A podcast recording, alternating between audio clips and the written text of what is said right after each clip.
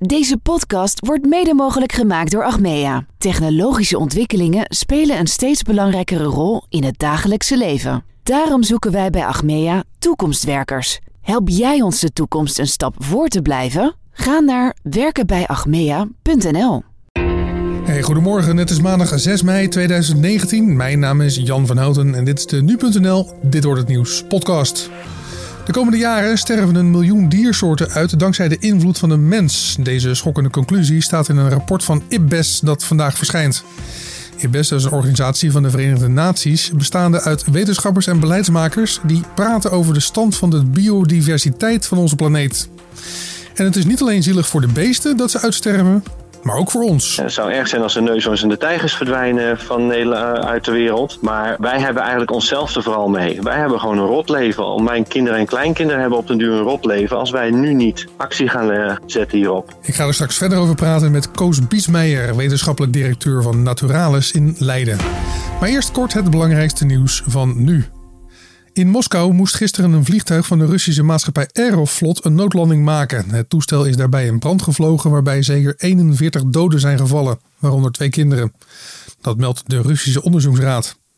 Het vliegtuig van het type Sukhoi Superjet 100 was met 78 passagiers en bemanningsleden onderweg van Moskou naar Moermansk, maar keerde vlak na het opstijgen terug omdat er kortsluiting was in het elektrische circuit.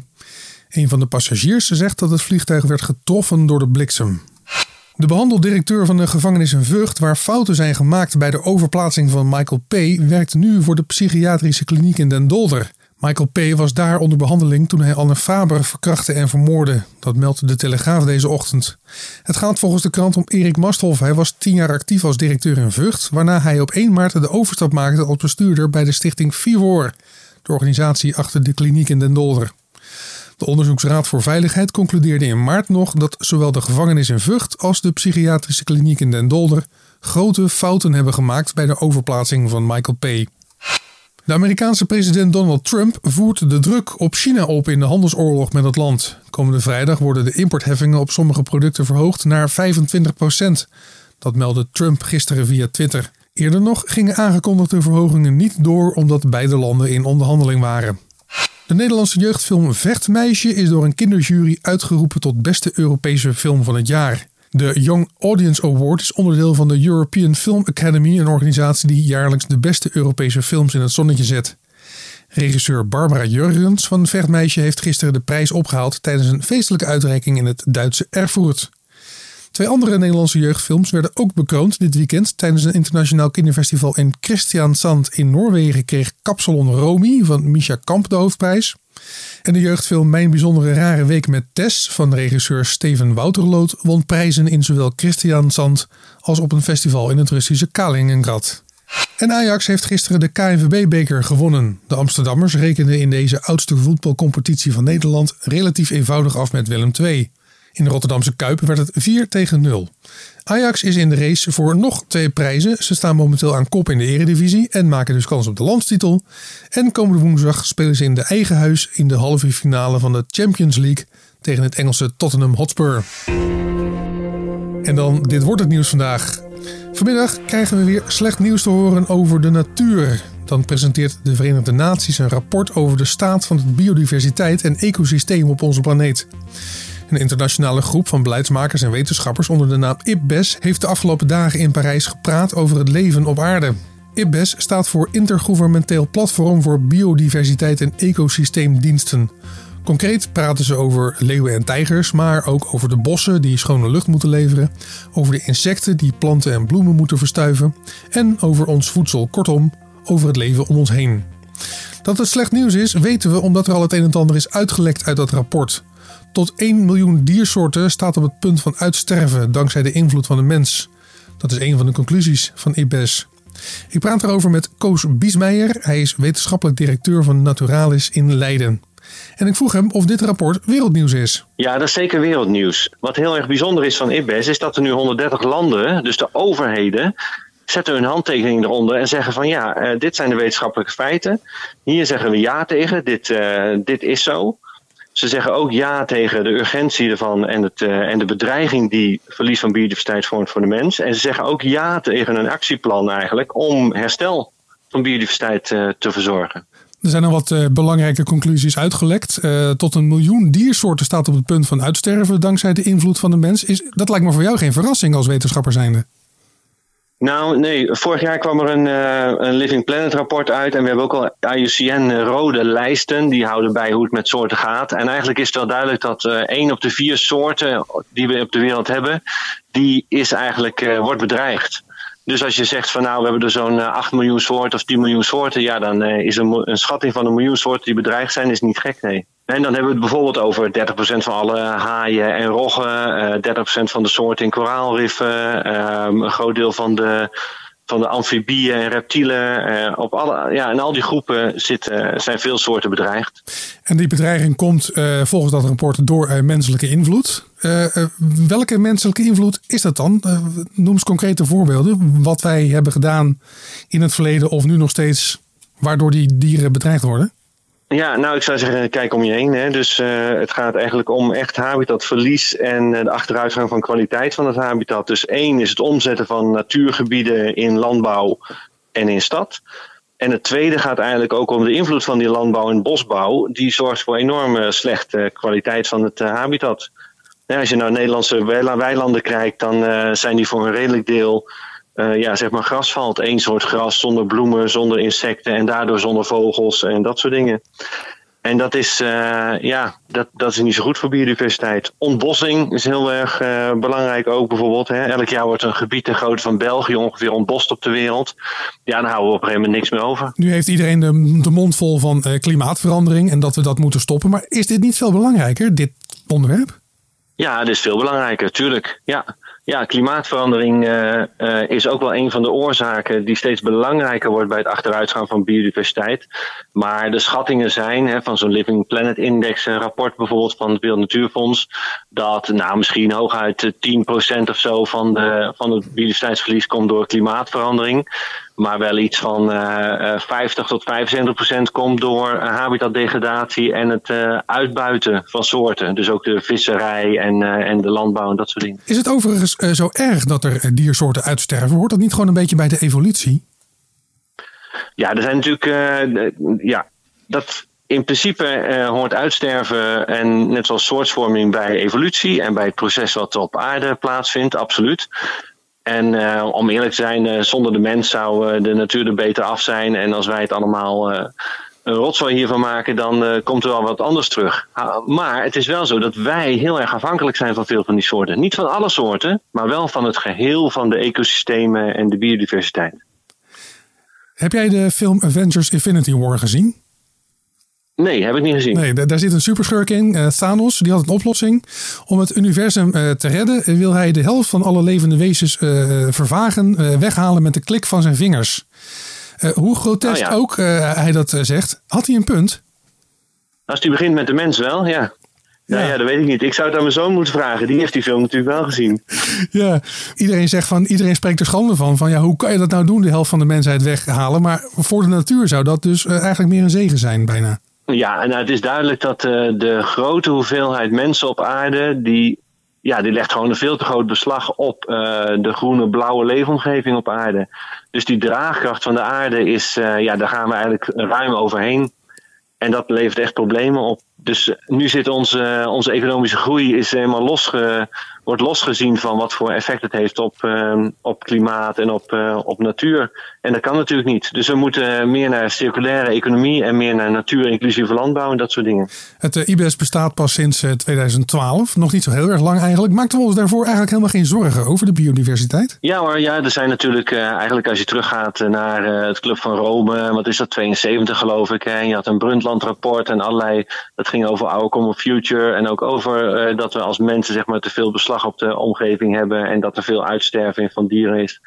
Um, maar er is, ja, dat was vaak nog te ver weg. Kijk, in Nederland is een, is een interessant land wat dat betreft. Want we zien nu ja, dat we natuurlijk een enorm lange rode lijst hebben. Dus heel veel soorten bedreigd. We hebben bijna geen insecten meer. Er zit gif in onze luiers. Eh, als je in de buurt van bloembollenvelden woont. We hebben eigenlijk een vrij slechte leefomgeving als het gaat om hoe, hoeveel groen je in de buurt hebt. Dus wij zitten wel echt aan het onderrandje. Dus in Nederland is die urgentie nog meer aan de gang dan, eh, dan in een aantal andere landen waar ja, nog veel ontwikkeling aan de gang is en nog veel natuur eh, te vinden is. Dat wordt dus allemaal in dat rapport uitgelegd dat vanmiddag wordt gepresenteerd. Het rapport bestaat volgens mij uit 1800 bladzijden. Dus ik weet niet of je de hele week al hebt vrijgemaakt om dat te gaan lezen. Nou, er is inderdaad gaat het Kijk, er wordt drie jaar gewerkt aan zo'n rapport. Dus er is een hele grote, ik geloof iets van 150 onderzoekers. En er zijn, is ook inspraak, zijn inspraakrondes geweest. Om zeker te weten van ja, dit zijn de feiten, dit weten we nu echt, dit weten we niet. Hoe, hoe, hoe zeker zijn we ervan? Dus bij elk statement staat ook hoe zeker zijn we ervan. Dat is het wetenschappelijke rapport. Daar wordt een vertaling van gemaakt voor uh, eindgebruikers, voor beleidsmakers en voor het publiek. En dat is, uh, is 30 bladzijden. Vanmiddag uh, verschijnt dat dan, dan dat rapport met al die conclusies. Wat hoop je dat de reactie zal zijn vanuit de samenleving, vanuit de politiek? Nou, ik hoop dat de reactie langer zal zijn dan twee dagen. Vooral. In de media gaan dingen heel snel. Ik weet al wel dat er, dat er allerlei dingen achter zitten. Dit is een enorme boost voor het Deltaplan uh, biodiversiteit herstel in Nederland bijvoorbeeld. En het is ook aan de, aan de onderzoekers en aan de andere kennispartijen nu om naar de overheid in Nederland toe te gaan en zeggen van hé, hey, jullie hebben het ondertekend. Hoe kunnen we nou meehelpen die doelen samen te bereiken? Dus ik hoop dat, ik denk ook wel dat het veel gaat uh, betekenen. Um, ja, want het is, het is echt desastreus. En dit verhaal moet je blijven vertellen. En dat is dus inderdaad, eh, het zou erg zijn als de neushoorns en de tijgers verdwijnen van Nederland, uit de wereld. Maar wij hebben eigenlijk onszelf er vooral mee. Wij hebben gewoon een rot leven. Mijn kinderen en kleinkinderen hebben op den duur een rot leven. Als wij nu niet actie gaan, uh, gaan uh, zetten hierop. Het IBES bestaat uit wetenschappers en uit beleidsmakers. Het lijkt me dat de bal momenteel bij die laatste groep ligt. Alleen als je binnen de wereld kijkt, politiek ligt dat nou ja, bij sommige wereldleiders niet helemaal boven op hun stapel. Als je kijkt naar Amerika, uh, Trump die denkt van uh, dat, uh, de, natuur kan mij het wat. In, in Nederland heb je ook politici rondlopen die dat denken. Hoe hoop je dat met dit rapport dat er toch een kentering komt? Um, nou, dat is een hele goede vraag. en dit is een duidelijk signaal ook dat de overheden aan de bak zijn. In Nederland zijn we al heel hard bezig met een aantal bedrijven. We hebben bijvoorbeeld Groene Cirkel projecten. En dat is ontstaan vanuit de brouwerij bij Heineken in Zoeterwoude die zeggen, die bedrijven zijn vaak al verder dan de overheid. Zo'n bedrijf zegt gewoon van nou, wij moeten energie-neutraal en, uh, en goed voor onze leefomgeving zijn over twintig jaar. En daar moeten we met z'n allen gaan uh, presteren. Dus doe mee. En dat doen we nu met, uh, met Heineken, met de Suikerunie, met de Graafzoom, grote kaasfabriek, met Farmfried. Dat is een aardappelproducent. Langzamerhand gaan die bedrijven ook aan de, aan de slag. Dus het is mooi nu, want we kunnen nu, zowel de bedrijven als de kennispartijen, kunnen nu aan de overheid zeggen van hé, hey, wij hebben iets bedacht waarbij we bij kunnen dragen aan die doelen die jij ondertekend hebt. Dus uh, nou, laat maar zien wat, je, wat we samen kunnen doen. Je hoorde Koos Biesmeijer, wetenschappelijk directeur van Naturalis in Leiden. Het rapport van IBES wordt vanmiddag openbaar en je gaat er uiteraard van alles over lezen op nu.nl.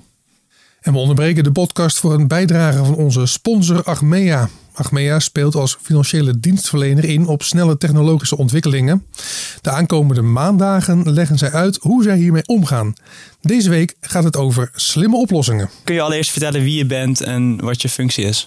Ik ben Jo Ringling. Ik werk als innovatiemanager bij Interpolis. Ik probeer met nieuwe slimme oplossingen eh, schade en ongemak voor onze klanten te voorkomen. En aan wat voor slimme oplossingen moet ik dan bijvoorbeeld denken? Nou, een tijdje terug uh, hebben we een slimme fietsbel gemaakt. Om te kijken of we mensen kunnen waarschuwen voor gevaarlijke punten in het verkeer. Kinderen vooral. Zodat ze voorkomen dat ze een ongeluk krijgen met de fiets. We zijn nu bezig met uh, een uh, thuiswacht, heet dat. Dat is een, een, soort slimme camera die kan helpen om inbraken te voorkomen. we zijn bezig met groene daken. Om te kijken of je daar het klimaat mee kan redden. Maar ook je dak kan beschermen. We zijn bezig met automodus. Een app om te voorkomen dat je het niet appt in de auto. Klinkt een beetje paradoxaal, maar toch. Dus het is niet alleen slimme oplossingen verzinnen, maar ook een stukje voorlichting. Ja, het is ook, ja, het noemt het bijna gedragsbeïnvloeding. Hè. Dus bijna psychologie die we moeten uitvoeren van waarom doet iemand nou niet zijn deur op slot. Hè. Het klinkt heel logisch om dat wel te doen, maar waarom doe je dat nou niet? Wat zit daar dan achter? En daar proberen we dan uh, iets voor te verzinnen dat mensen dat wel gaan doen. Dat kan met nieuwe technologie zijn, maar dat kan ook met mijn part een post-it op de deur zijn. Hè, doe de deur op slot. Dat werkt ook. En van die toekomstprojecten die je net uh, noemt, ja. waarvan gaat jouw hart het snelst kloppen?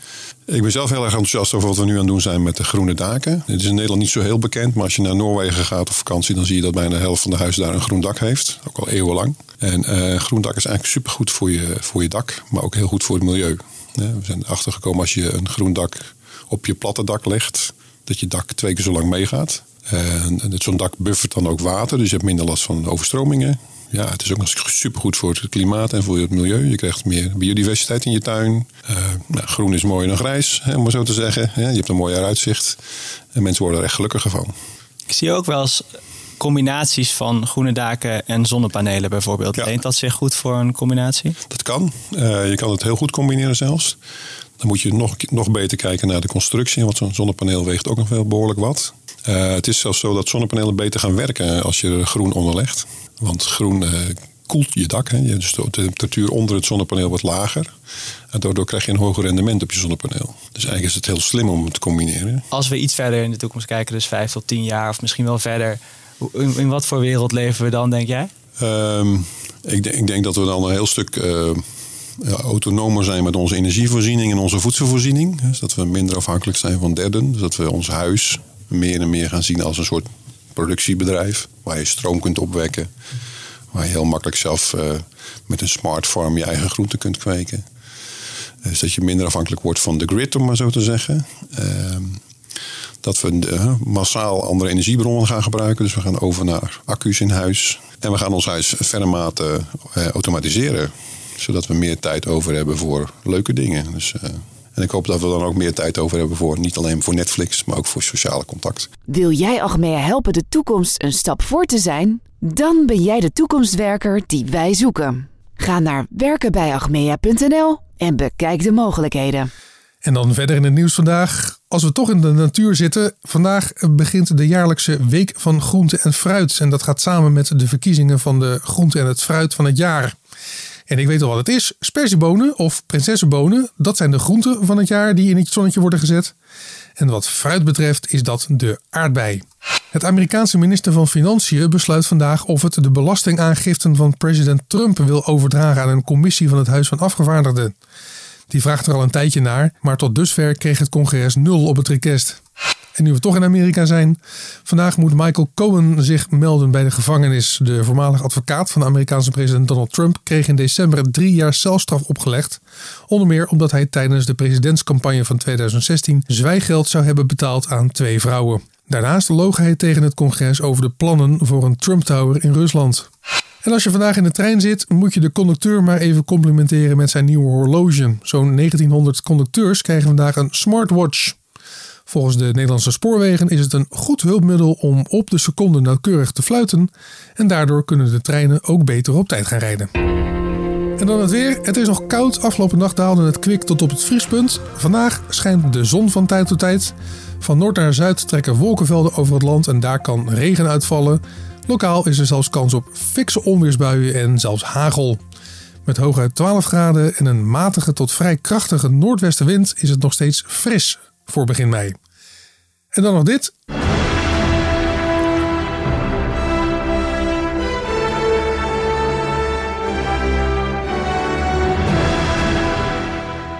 Dit is de muziek die hoort bij de Avengers. En ik had het net in het interview nog over Avengers Infinity War, de film van vorig jaar, waarin Thanos wel of niet zijn vingers knipt. Het vervolg op die film, Avengers Endgame, draait nu in de bioscoop en die doet het goed. Zo goed zelfs dat de film in 11 dagen meer dan 2 miljard dollar heeft opgebracht. Ruim 2,18 miljard om precies te zijn. En counting. Dat is in de geschiedenis nog nooit een film gelukt. Daarmee heeft de film de op één na hoogste opbrengst ooit. Avengers Endgame gaat nu jacht maken op Avatar. De film van James Cameron van 10 jaar geleden bracht 2,78 miljard dollar in het laadje. En dit was hem dan, de Dit Wordt Het Nieuws podcast van 6 mei. Je vindt deze podcast maandag tot en met vrijdag om 6 uur s ochtends op nu.nl. Heb je complimenten of klachten, stuur ze dan naar podcast.nu.nl of laat een reactie achter in je favoriete podcast app. Mijn naam is Jan van Houten. Voor nu een goede maandag en tot morgen.